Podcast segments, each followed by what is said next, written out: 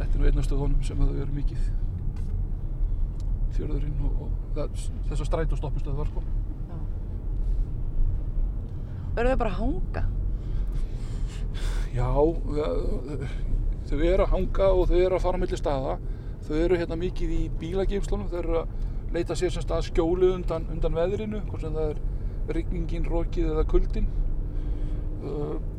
Og þau stundum og þeir eru að lenda svolítið kannski í því hérna húsverðin á þessu stöðum og þau eru í skemmdarverkum en hérna það er kannski svona þegar kemur einhver nýr en hinn þau vita það að, að þeir sem eru orðin vanari að það borga sig verið til frissi þá fá þau að vera þar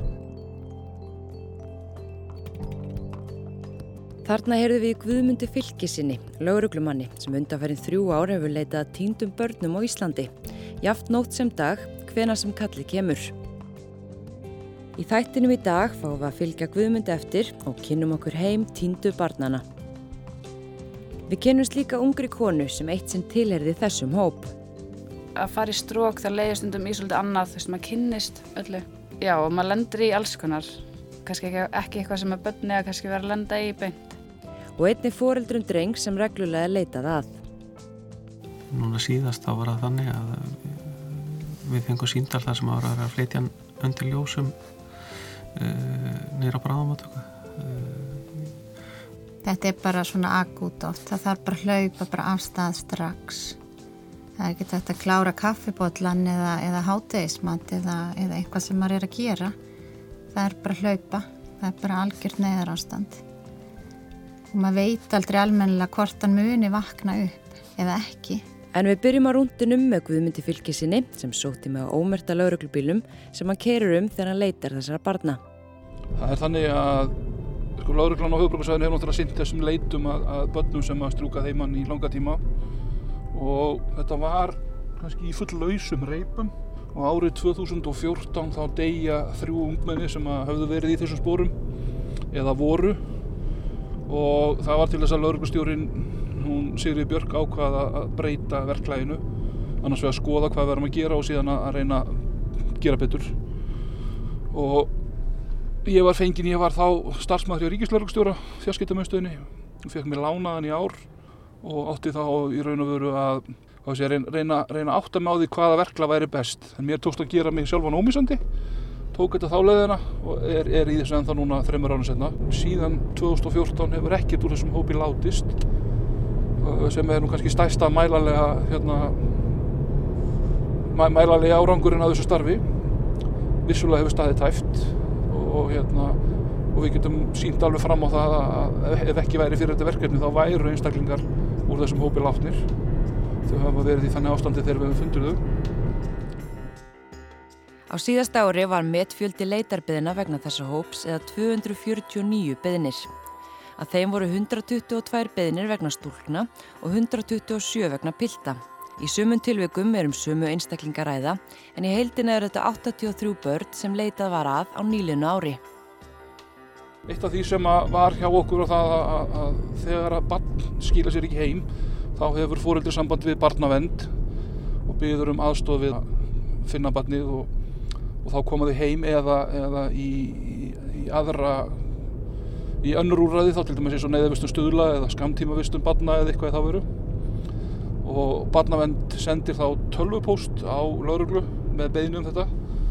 Og semst fyrir, fyrir þarna november 2014 þá var það með þeim hætti að, að hver lauruglustöð sem þá voru fimm á höfuborgarsvæðinu bara ábyrð á sínu svæði og þurfti þar alveg að móttaka póstinn og skrá barnið í kerfið hjá okkur og gera það eftirlýst en þó ekki þannig að veri límdir upp póstir á ljósastörum heldur bara í kerfin okkar þannig að ef kennintalan var slegin upp þá, þá stóð þar að barnið væri, væri verið að leita því.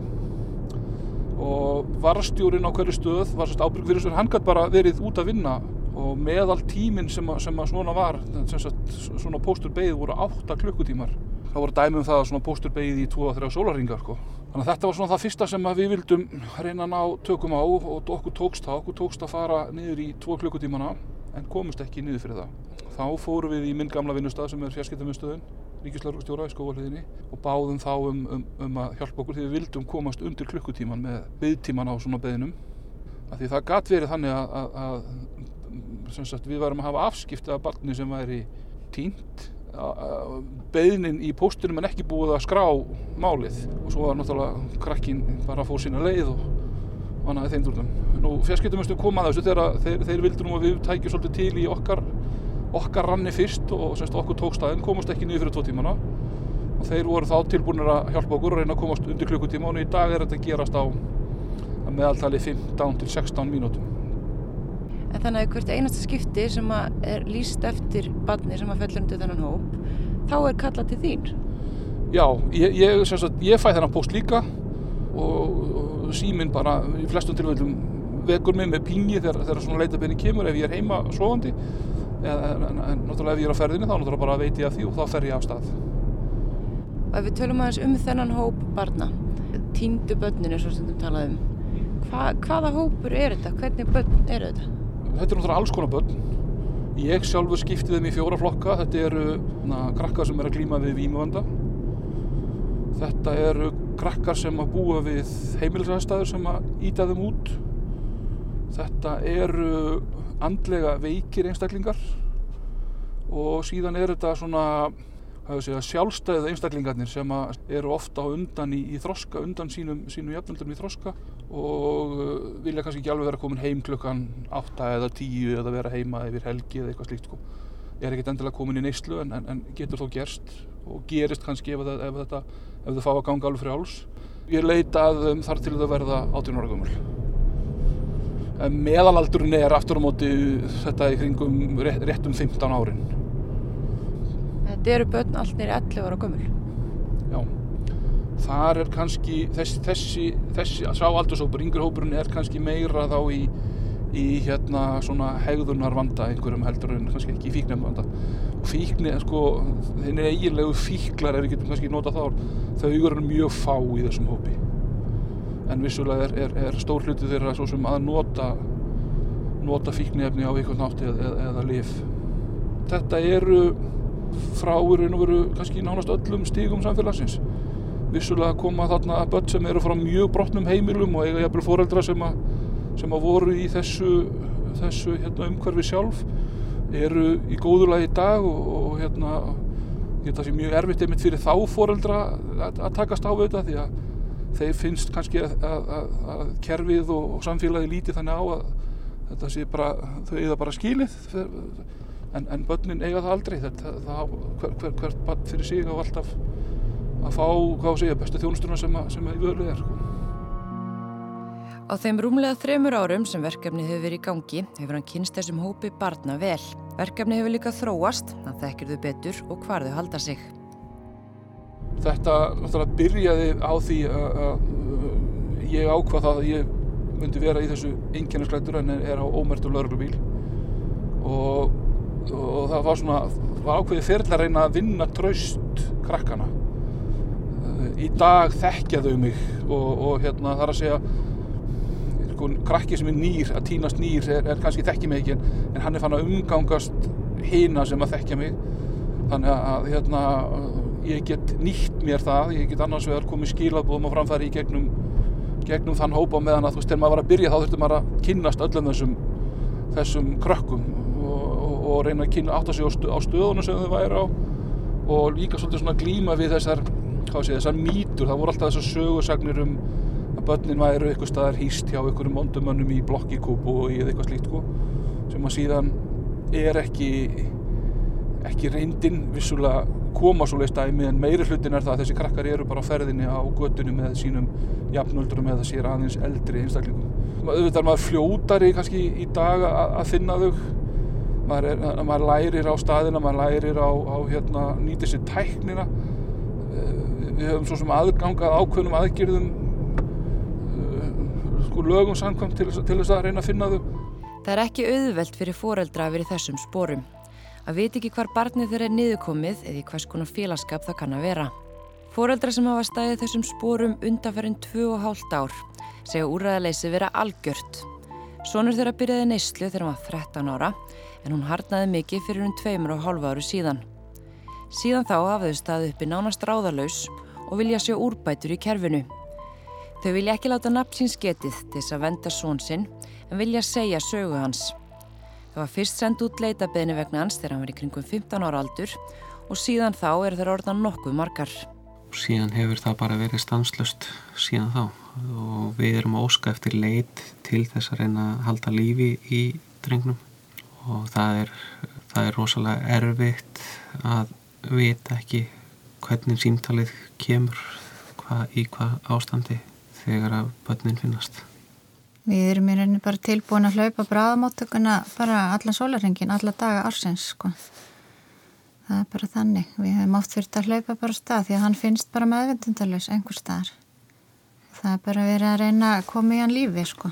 Saga okkar uh, stráks er, er svo að, að hann er uh, bráðgafar, skemmtilegur fjóruðu strákur uh, sem átti fullt af vinnum, gekk vel í skóla, engin vandamál sem að vita er um þar. Uh, hann uh, var í íþróttum var í, í öllu mjög kröftur síðan þegar hann er að detti það að vera 13 ára gammal þá skiptir hann algjörlega um vinahópp frá A til Ö sker af sér alla vinina sem hann átti og skiptir öllu út bara á basically einni nútt í framhald að því þá svona uh, fór maður að hafa smá ágjur á því hverja, hvað var að gera og hvað allir og svo held maður að þetta væri bara fyrkt sem að myndi gangi yfir.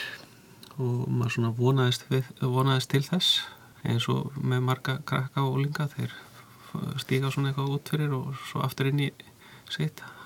Hann held bara áfram út á þessa hörðu braud sem að eh, er í þessum heimi við eh, reyndum strax að, að reyna að kúplunum inn í, í ákveðin örgisnett með aðstóð uh, barnavendar og, og annar þáttar. Vandamáli sem eins og, eins og það sem við erum að fjallum hér er, er það að úrraðaleysin eru rosalega mikil.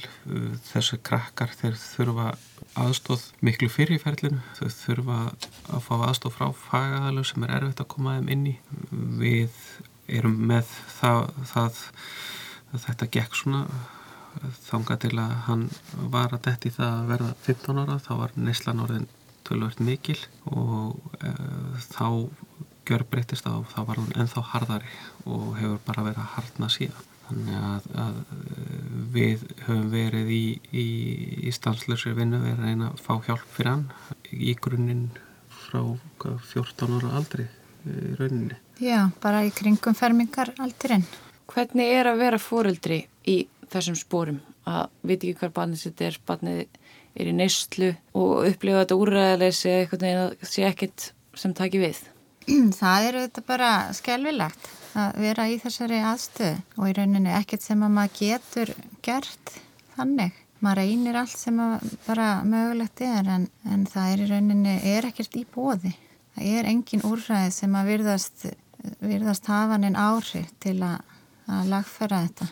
Hvernig þetta er bara gríðarlegt álag bara á alla fjölskylduna og ekki bara á fjölskyldu barsins heldur bara líka nánustu ættingi eins og ömmur og afa og frængur og frændur það er allir tilbúinir að hjálpa en það er ekkert sem virkar einhvern veginn og, og það, við hefum oft þurft að ringja bara í fólk að byrja að passa yngri börnin af því að við hefum þurft að hlaupa bara bæði af því það á svo krítist ástand að það, hérna, það borgar sér bara við förum bara bæði á stað. Og það er náttúrulega veldur sjálfsögur bara öllum miklum áhyggjum. Og þegar fólk veit að hann er tindur þá eru náttúrulega allir alveg bara mjög stressaðir. Býðandi eftir að hann finnist og bara í hvað ástandi það verður. Er hann bara meðutundalös einhver staðar, er hann í svona þokkalög standi? Eða bara hva, hvernig verður ástandi líka þessi dagar sem eru eftir koma þegar þau finnast þá eru semst frákvörf ránkvömyndir og allt mögulegt í gangi í hausnum á þeim. Alveg paranóiðan algjör og þau, þau eru hættuleg sjálfum sér og öllum öðrum í kringu sig. Hvernig er að fá svona símdala sem er búið að finna barnið og það er kannski bráðamótöku? Það er ríkalegt núna síðast þá var það þannig að við fengum síndal þar sem ára að fleitja undir ljósum nýra bráðamátöku ég ringi í konuna og, og það, þegar Afi og Amma koma til okkar þá er kaffibóllin volkur á, á borðinu og búið að býta býta í bröðið í, í hátæginu Þetta er bara svona akút oft. Það þarf bara að hlaupa bara af stað strax. Það er ekki þetta að klára kaffibotlan eða, eða hátegismat eða, eða eitthvað sem maður er að gera. Það er bara hlaupa. Það er bara algjört neðar ástand. Og maður veit aldrei almennilega hvort hann muni vakna upp eða ekki. Það er ekkit örugt, sko.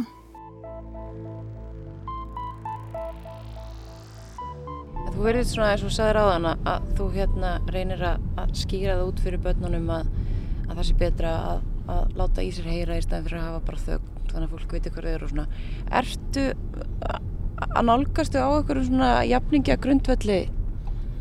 Það er nú kannski erfitt fyrir mann á 60 til að ja, nálgastu en, en það er sama. Ég, ég allavega, ég reyni eh, að það sem ég get til þess að hérna nálgastu eins miklu jafningagrunni ekki. Sjálfur á ég nú börn sem var frá, fætt frá 2003 og 91 þannig að ég var kannski aðeins auðveldara með, með þetta ennþá en hérna líka sko ég hef, hef verið beðin um að koma og skamma krakka koma og ræða harkalega við, við barnum um þum það hva, hvaða hérna hvað hafi nú verið að gerast þegar það var, tínt og ég hef sagt að ég sé alveg tilbúin að koma og ég, ég fer og ræði en, en ég tek ekki að mér hérna, það uppeldist hlutverk að skamma krakkana. Það, það eru nógu margir um það heldur reynum að það er að fá þau bara til þess að skilja skilja hlutinu og út af hvað þetta gengur. Og þetta er eins og með það að heyrist ekkit frá þeim. Ég hef sagt um það að ef þau ekki svari mér þá fer ég náttúrulega að fara að banka hjá vínum og kunningjum og, og, og, og hérna foreld, ræða við foreldra vina og kunningja og aðra slíka. Þannig að það verði miklu fleiri sem að, sem að blandist inn í þetta heldur en ef að, ef að við komum til krakki tilbúin að tala við mig. Það að hann tala við mig þá heyri ég hvort hann er í, í vímu eða eitthvað þannig ástandi ég þarf að hafa miklar háhyggjur en ef hann er það ekki þá getur maður alveg gefið sér smá tíma í að komast að samkómulagi um hvernig, hvernig þeim málið endar hvernig hann, hvernig hann skýra sér heim eða, eða, eða hættir þessu? Mér finnst þau hérna, þau virða þetta krakkarnir. Líka ég eh, sagt ég plata þau ekki ég líka ekki að þeim.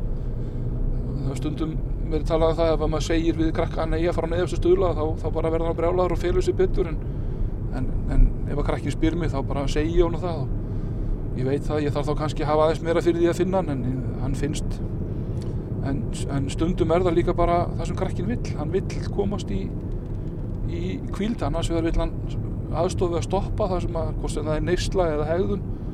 Þarf hjálpið það. Þó hann kannski sé ekki alveg tilbúin að segja það upphátt að þá veit hann það kannski svona einstinni og hérna og vill þess aðstof en svo getum við kannski samið um það hvort það sé núna eftir hálf tíma, klukkutíma eða tvo tíma eða þrjá tíma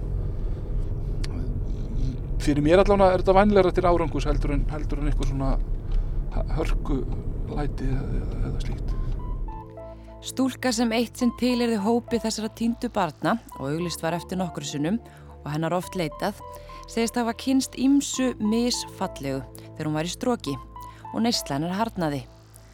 Saga ungu konunar, sem í dag er 24 ára móðir, sem vill ekki láta nafn sín sketið hér, er ekki ólík sögu margra þeirra barna sem verða utanveldu. Hún var lögði einelt í grunnskóla, passaði illa inn og þegar hún byrjaði nýjum skóla í byrjun úlingsárana, leitaði hún í félagskap þar sem hún fekk viðurkenningu.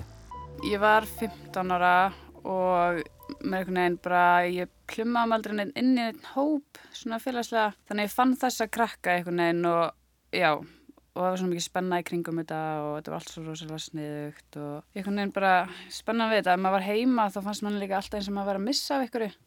Og hver var fyrst líst eftir þér? Þegar ég var ný orðin 16 ára. Og varstu þá komin í mikla nýsli? Nei, þá var ég raunin bara rétt að byrja að fykta. Ég byrjaði svona fyrst á því að strjúka og í strókum þá þurfti maður að vera á, maður gæti ekki fara heim til sín þannig að maður þurfti að vera bara á stöðum þau stundum gistum maður heim á vini vinamanns sem var í neslu og þá kynntist maður þeim efnum og maður kynntist svolítið svona meira fólki og meira efnum í stróki líka þá var maður svona að flýja og var að halda sig í þú veist, svona dópista íbúðum og þessum lögum var ekki að vera að koma og það er ekkert hverju sem er sem er tilbúinir, þú veist, já, þetta er stróki, já, kandu bara heim til mín.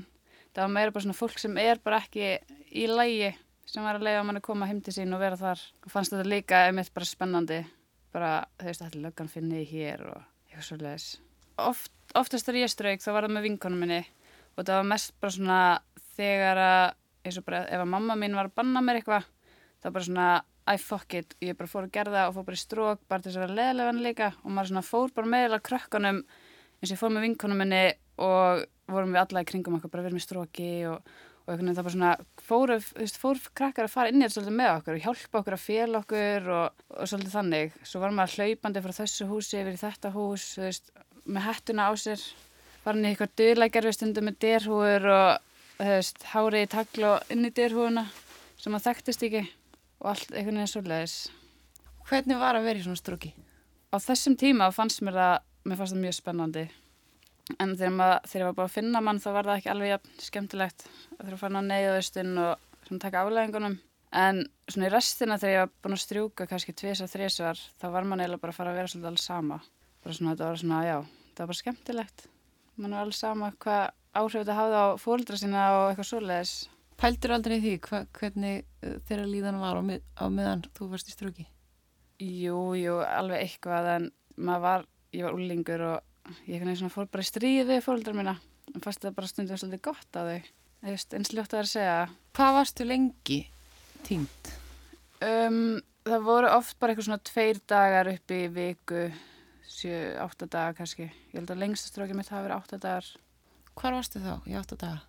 Ég var, ég var, einan, var einan nótti í svona stegagangi uppi að sem liftan var auðstu uppi sem var enginn, var með vinkunum minn þar bara sváðum á úlpunum okkar.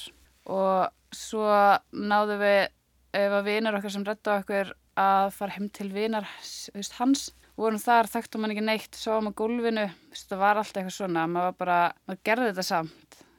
Átta dagar sem voru bara að fara á milli Já, einhverju staða. Já maður er svo sem ekki að gera mikið í stróki maður er bara að fela sig.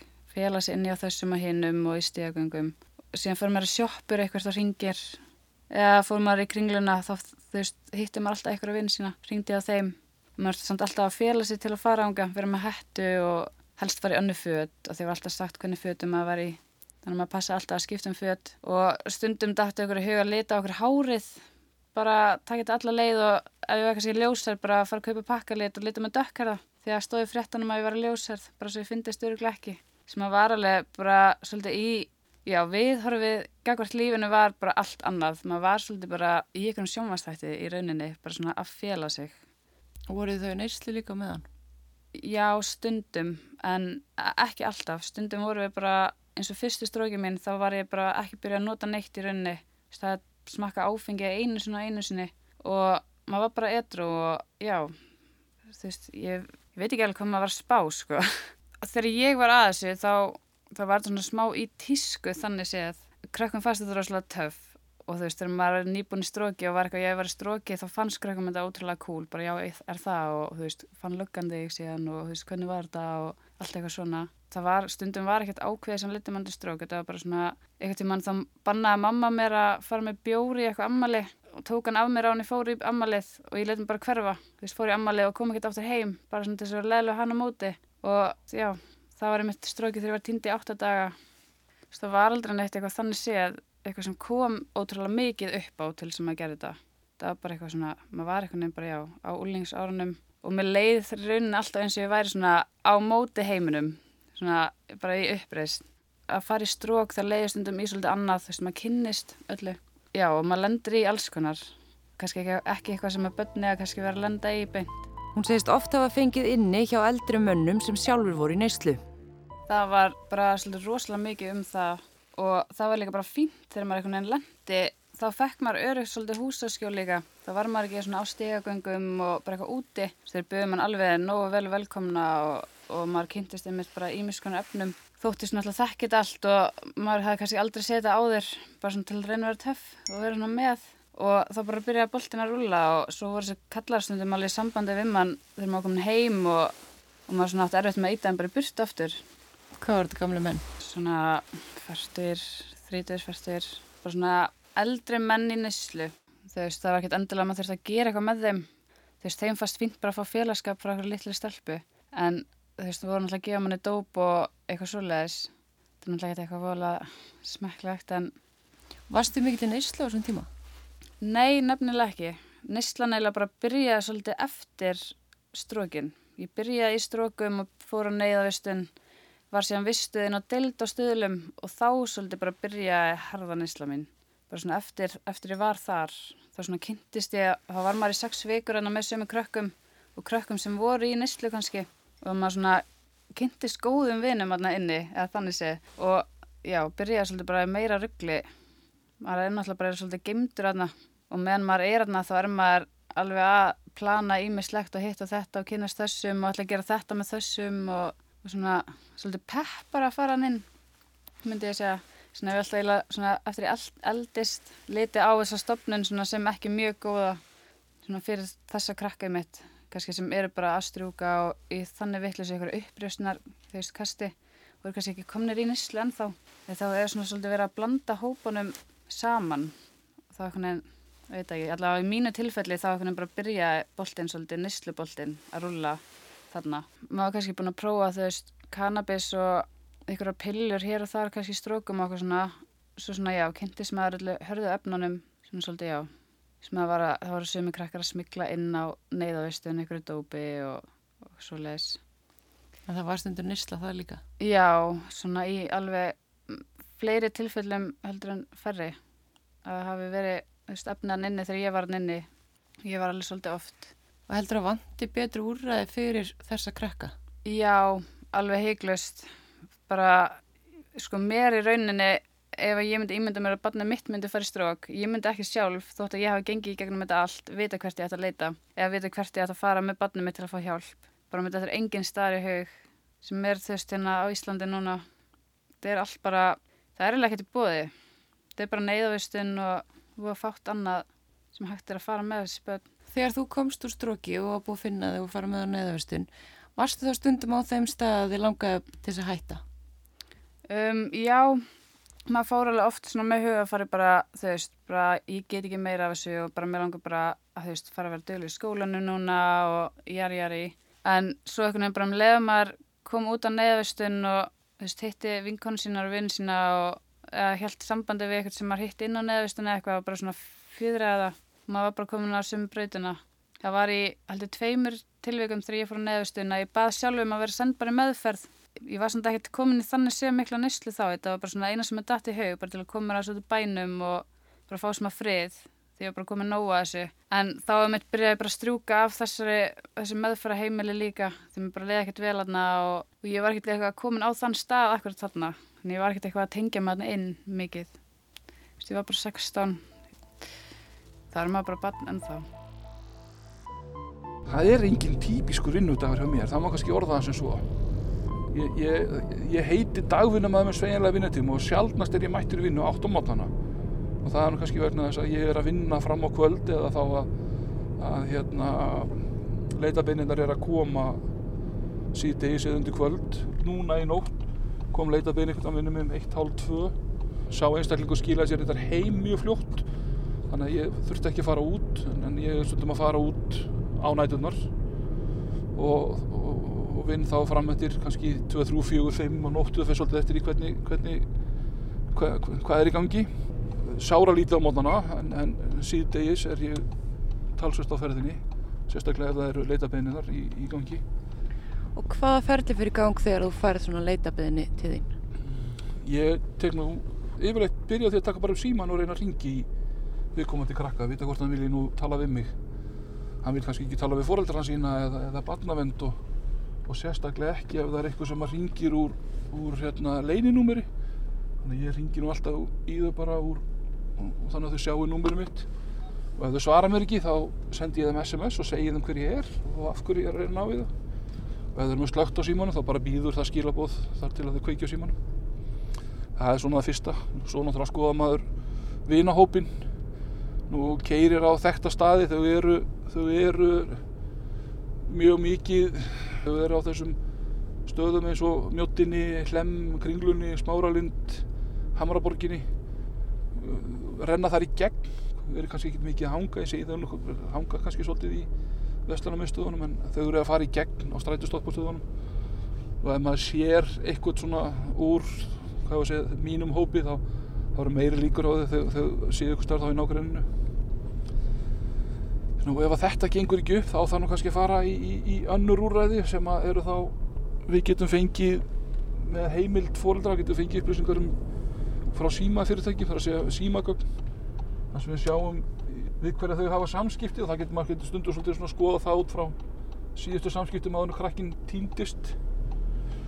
Hvað, veist, við hverjan er að tala þá það er þá að fara og spurja þar. Og náttúrulega spyr maður bara hina krakkana sem eru á ferðinni hvort þú hefði séð þennan hvort ekki þá komið skilabóðum með það, ég sé að leita. En þannig að þú ferð að stað og þú ferð út og þú keirir á þessa stað og þú svona svipast um eftir þeim, eftir þeim sem leita er að og spyrst fyrir. Já, já, gerir það.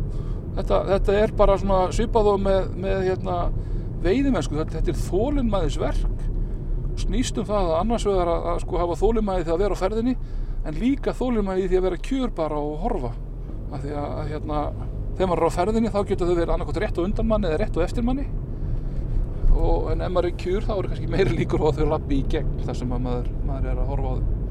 Og svo er ég nú með, ég fekk nú þennan fína dróna frá hérna þessum for, foreldrum eða samtökum foreldrarna sem að er að baki þessum börnum, frá olbúabörnum hann fundi með dróna fyrir árið síðan hann kemur að góðum nótum þá sérstaklega á opnum svæðum eða stórum skólalóðum og öðrum slíkum sko. Hvað eru erfiðustu leitinnar sem þú tekið þátt í? það er náttúrulega í þessum tilfellum það sem að það sem að stóð tæft það sem að voru voru í flestum tilfellum eru það stelpur unga stelpur, 14-15 ára sem voru komnar í, í mikla neyslu og tók svolítið tíma að- komast inn í semst, þennan hóp sem þær voru með og, og staðsetja þær og svo þegar við finnum þær í þeim, þessum tilfellum þá voru þær meðutundalausar og stóðu kannski frekar tæft það er er hérna kannski það sem að tek, tekur svona mest á. Svo er náttúrulega þessi, þessar leitir sem að taka marga dag yfirleitt tekur þetta nú ekki nema svona, svona einn, einn til tvo daga en þetta fara að taka fjóra, fimm, sex daga þá náttúrulega þá náttúrulega hérna, verður það erfitt og ég tala nú ekki um þegar maður er kannski komið með fjórar, fimm, sex leitir á borðið á sama tíma þarf að svona fara þessi, þessi, nota þetta margfræði var það forgangsraða það tekur svolítið á En þú lítur að vera að koma inn í svona alls konar aðstæður. Þú ert að ná í börn sem eru kannski heima hjá, þú sér að það sé kannski ekki algengt en, en það komi fyrir að þú ert að ná í þau í ykkur greinir hreinlega. Óttastu aldrei bara hreinlega um lífið þitt? sko, sem betur fyrir er það mjög sjálfgeft að maður finni þau í, í, í ykkur greini en það getur vel verið að þau hafi farið um svoleiðis staði á, á þessum tíma sem þau eru tínd Þa, það er miklu sjaldnar að, að slíkar aðstæður eru. Þau eru mjög mikið þessi krakkar sem eru með þessi ítrykkuðu þau eru bara með sínum jafnöldurum og, og kannski það má alveg færa rauk fyrir því að þeir sem eru kannski svona hættulegastir þeim eru þetta 18-23 ára strákarnir sem voru sjálfur í þessari stöðu þegar þeir voru yngri. Þeir eru bara staðnaði, þeir eru, þeir eru ennþá 15-16 ára andlega séð og stelpunar eiga þar alveg að vera 14-15 ára sem þeir eru með sko. og það eru strákarnir sem hafa verið að fá dómana út af þessum málum. Það, það hérna verða nú stundum til sakamál út úr þessu þar sem þeir eru kerðir þá fyrir kynli fyrir undir 14 ára eða fyrir að vera að gefa það fíknefni eða vera vera aðstofa þau eða fela þau vitandi það að ég er að leita að þeim. Ef ég hérna, er búinn að tala við þá áður og get sínt fram á sanna það að þeir hafi vitað að við krakki væri týndur.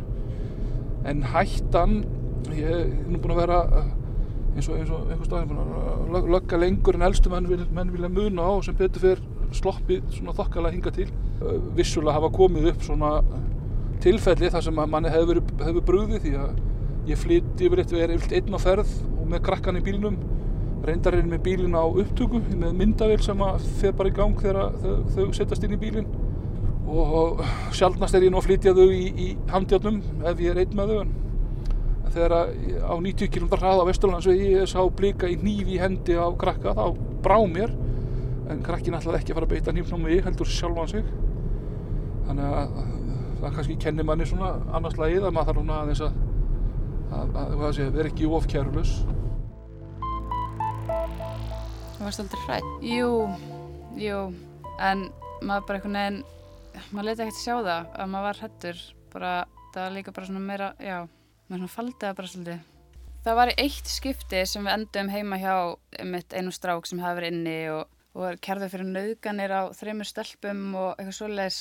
þá var ég hrætt, get ég alveg ekki henn. En ég var með vinkonum minni og kæristunum hennar og hún var einmitt í stróki líka. En maður let sér einhvern veginn bara hafa þetta. Maður svona hugsaði líka þú veist, það er ekkert slemt að fara að gerast fyrir mig. Sem maður er bara bann og það er náttúrulega, já, maður held bara að vera ekkert að fara að gerast fyrir mig. En síðan leytistu eftir að varst átjunar, þá leytistu út í, í meiri nýrslu Já, og varst í nýrslu alveg nokkur ár. já. Það er einhvern veginn bara svona, já, boltinn byrja að rúlla eftir þetta strók tímabil. Það var einhvern veginn svona þegar maður þá var maður búin að kynnast, þá var maður búin að mynda svolítið svona hópi kringum sig. Afið mitt fólki sem er bara í neslu og, og svona bara veist, einstaklingum eða í rauninni. Svo bara svona var maður alltaf í náðu, áður maður vissi að bara komin í kaf í neslu og var hann á, eldri en átjónara og enginn að spá í manni ennþá.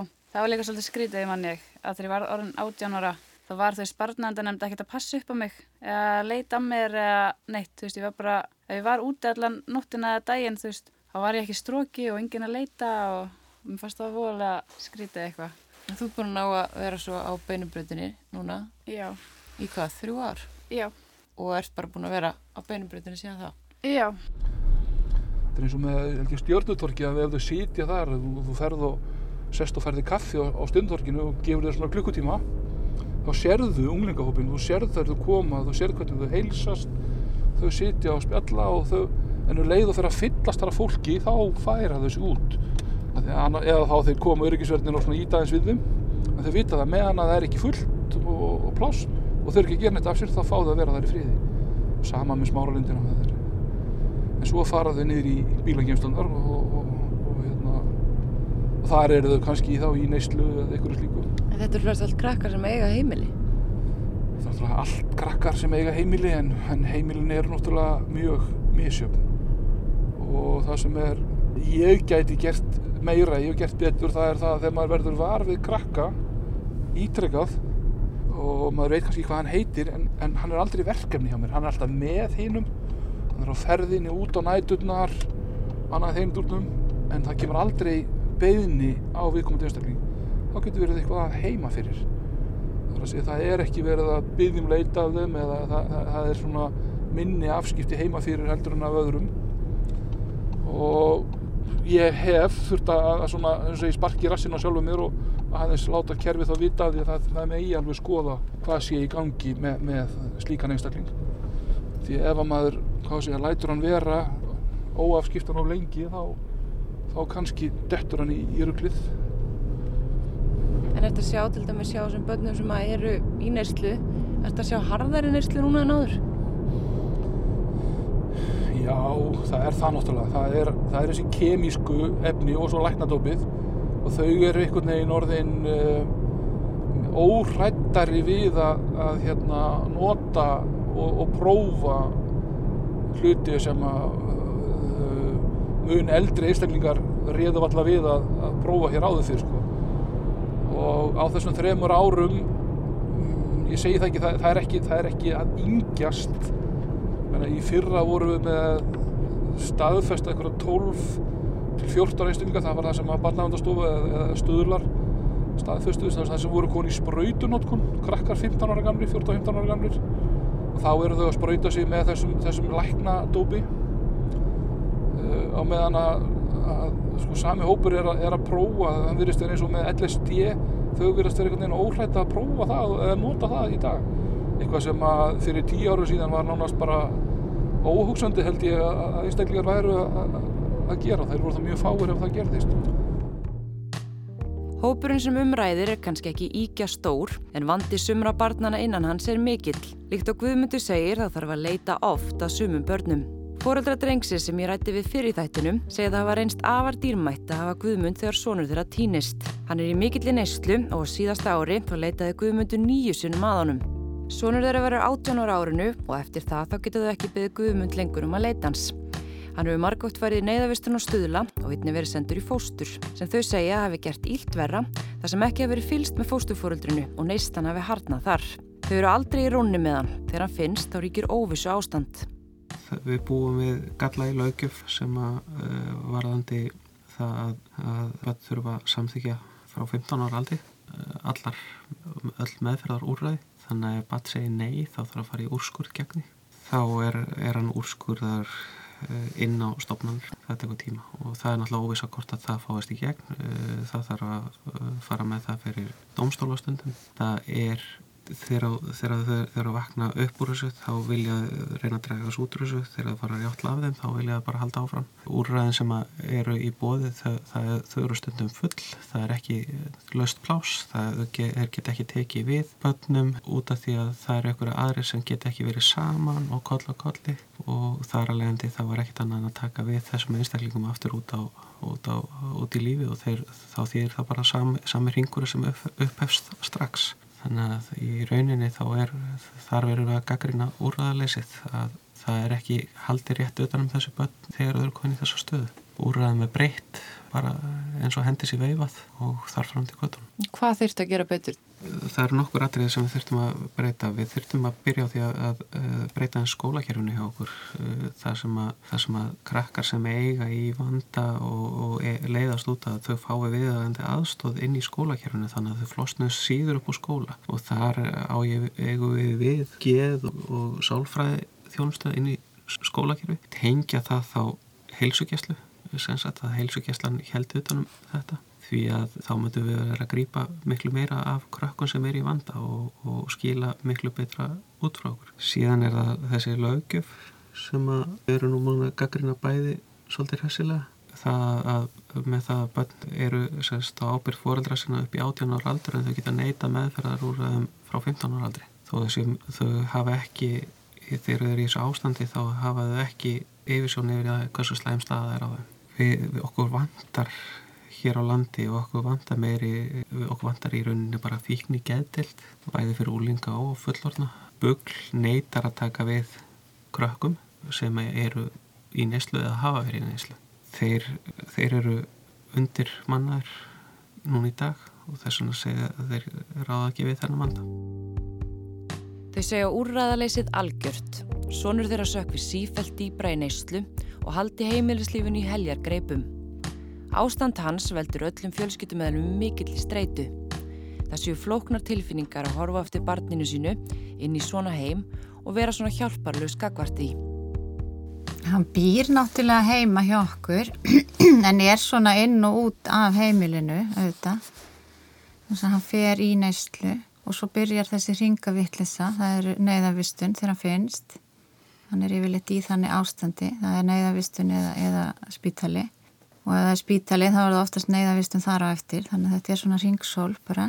Og svo kannski kemur hann heim og síðan bara svo, svo gengur þetta alltaf bara ringa til ring þetta er bara endalaus ringavittlisa Og ég er hann þá í lægin og milli eftir hann kemur heim?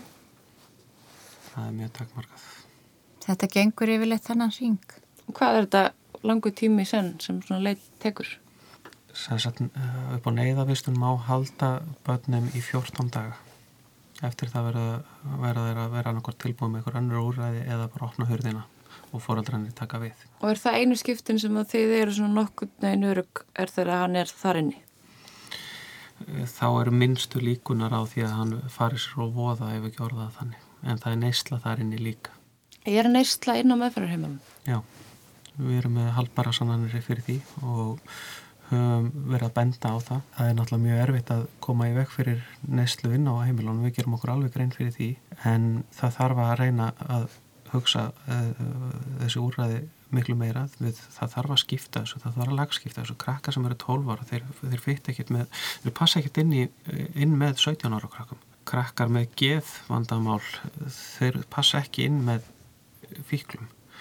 Og lengi mætti telja þarna er, í dag erum við bara með meðferðarheimili, semst við erum með eh, eitt fyrir, dreng, eh, eitt fyrir drengi og stúlkur fyrir austan og svo er lögabakki fyrir norðan. Og ég meina þetta er þarna er verið að setja saman krakka sem eiga enga samleið, þau fyrta ekkert og það er verið að setja þau allir sama prógramið í staðin fyrir það að reyna að halda að stokka þessu upp og gera gera þetta að meiri heimilum eins og, eins og maður segir þetta eru, þetta eru stopnarnir við erum, við erum að stopnana að væða þessa, Þessi börn, börn, þetta eru náttúrulega börn. Í staðin fyrir það að, að þau að séu gerða minni einingar sem að eru þá reynda að, að þau öðlist það að geta farið út í lífið og lifa lífinu og, og sé hvernig svona venjulegt líf er. En þetta við erum bara stopnana væða þessa krakka. Á nýliðuna ári voru leita beðninar tæplega 250, þar eru rúmlega 80 einstaklingar að baki. Þessi hópur, þessum 80 eru 50 50 einstaklingar sem ég hafði ekki leitað að áður ekki árið áður eða þar áður. Þetta er að koma ný inn á þessu ári. Hefur, haf, árið þar og undan hafði þetta verið þetta í kringum svona cirka helmingurinn en það er þó svolítið herra hlutvall núna af, af nýliðun eða þetta orða sem svo það, það, það er síðan svipaða tölur sem eru með þá krakka sem það bara leita að einu sinni það, það er hérna um það byrj helmingurna af hópnum er bara með eina leit sem að, sem að hérna, segja þá kannski, þú veist, það er, þetta er svona uh, unglinga vandamál eitthvað sem, að, sem að er verið að reyna að tökum á text oft. Uh, það er óvenju stór hópur núna aftur á móti sem er með margar leitabennir, tíu leitabennir. Það eru ungir einstaklingar, 2003 og 2004 hópur þarf ekki nema 2-3-4 til sem eru kannski með 15-20 beinir þá hækka tölurnar þar kannski uh, var einhver vandraðagangur með, með kerfið, meðferðarkerfið að grýpa inn í og hvað var hægt að gera fyrir þessa krakkar sko. Er það mikið vandamál? Er það sem þú sér mikið að þeir eru kannski búin að finna þessa krakkar og leita um að það er ekkert sem að kannski tekur við þeim? Sko, það er náttúrulega, það eru nokkur úrraði í bóði en, en það er samt þannig að, að sagt, úrræði virkar ekki á alla það, það er alltaf einhverjar undatekningar og, og það er kannski kannski mætti vera mættu vera fleiri úrræði í bóði og þá kannski sérstaklega fyrir þá sem eru lengra komnir í, í sínum vandragangi það er svolítið sérstatt og, og, og foreldrarnir hérna, foreldrar þessar einstaklinga þau kvarta svolítið undan því að 13-14 ára óharnaður úlingu sem er svona að byrja á sínu ferli skuli síðan vera í, í sama úrræði og, og 17, 17 ára einstaklingu sem er kannski farin að spröyta sig og annað slíkt sko. þá erum við að tala um upp á neyðvistum stuðla eða meðferðað með einu stuðla það er kannski, það er, það er vissulega óeðilegt að við séum að blanda þessum hóp saman og, og það er von á nýju úrræði en það er reyndar ekki held ég ennþá komið á teikniborðið. Heimildir, fjárheimildir fyrir því en, en, en, en það vantar vantar það úrræði.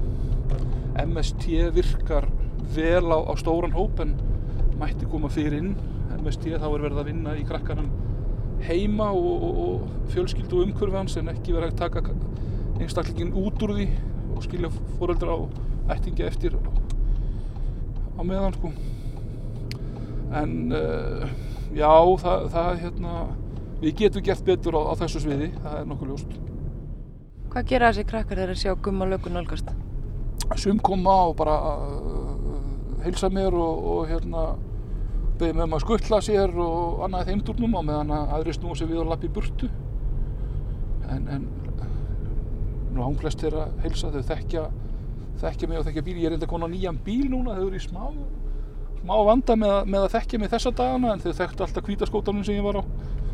Og, og ég hló nú að því að ég held að þau hafi þau sem voru gjörna á að hlaupa þegar þau sáu bílina þau hafa verið að hlaupa ansi oft en ég var hverki nærri það var bara hvítu skóti En hefur lendið að krakkar hefur reynilega haft samband við og beðið um aðstáð? Já, það er sem betur fer.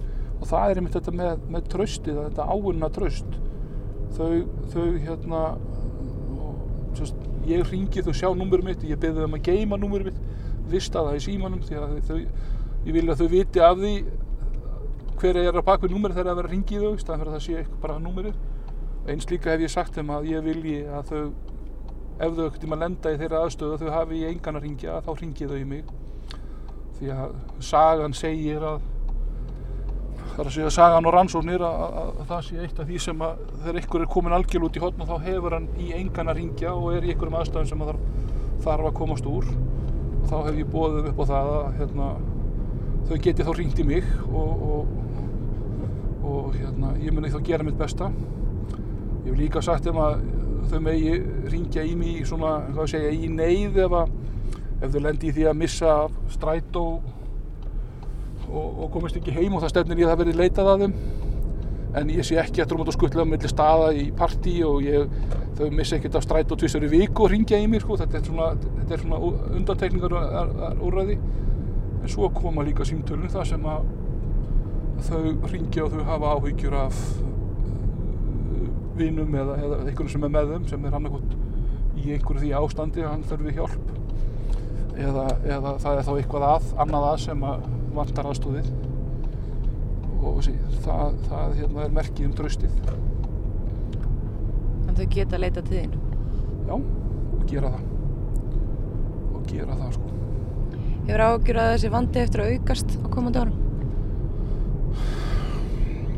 Ég vona nú að, að hérna, samfélagið okkar sé nú þannig að, að það sé reynda að grýpa fyrir inni og verði, þetta verði minna en ég er ekkert vissum að þetta er eftir að minka mjög mikið sko. en vonandi á þetta ekki eftir að, að aukast mikið og bara ef við skoðum þessi þrjú ára þá er svo sem þá er hérna fjöldin einstaklingana sem er í þessu er, það er ekkert mikið hreyfing á þeim tölum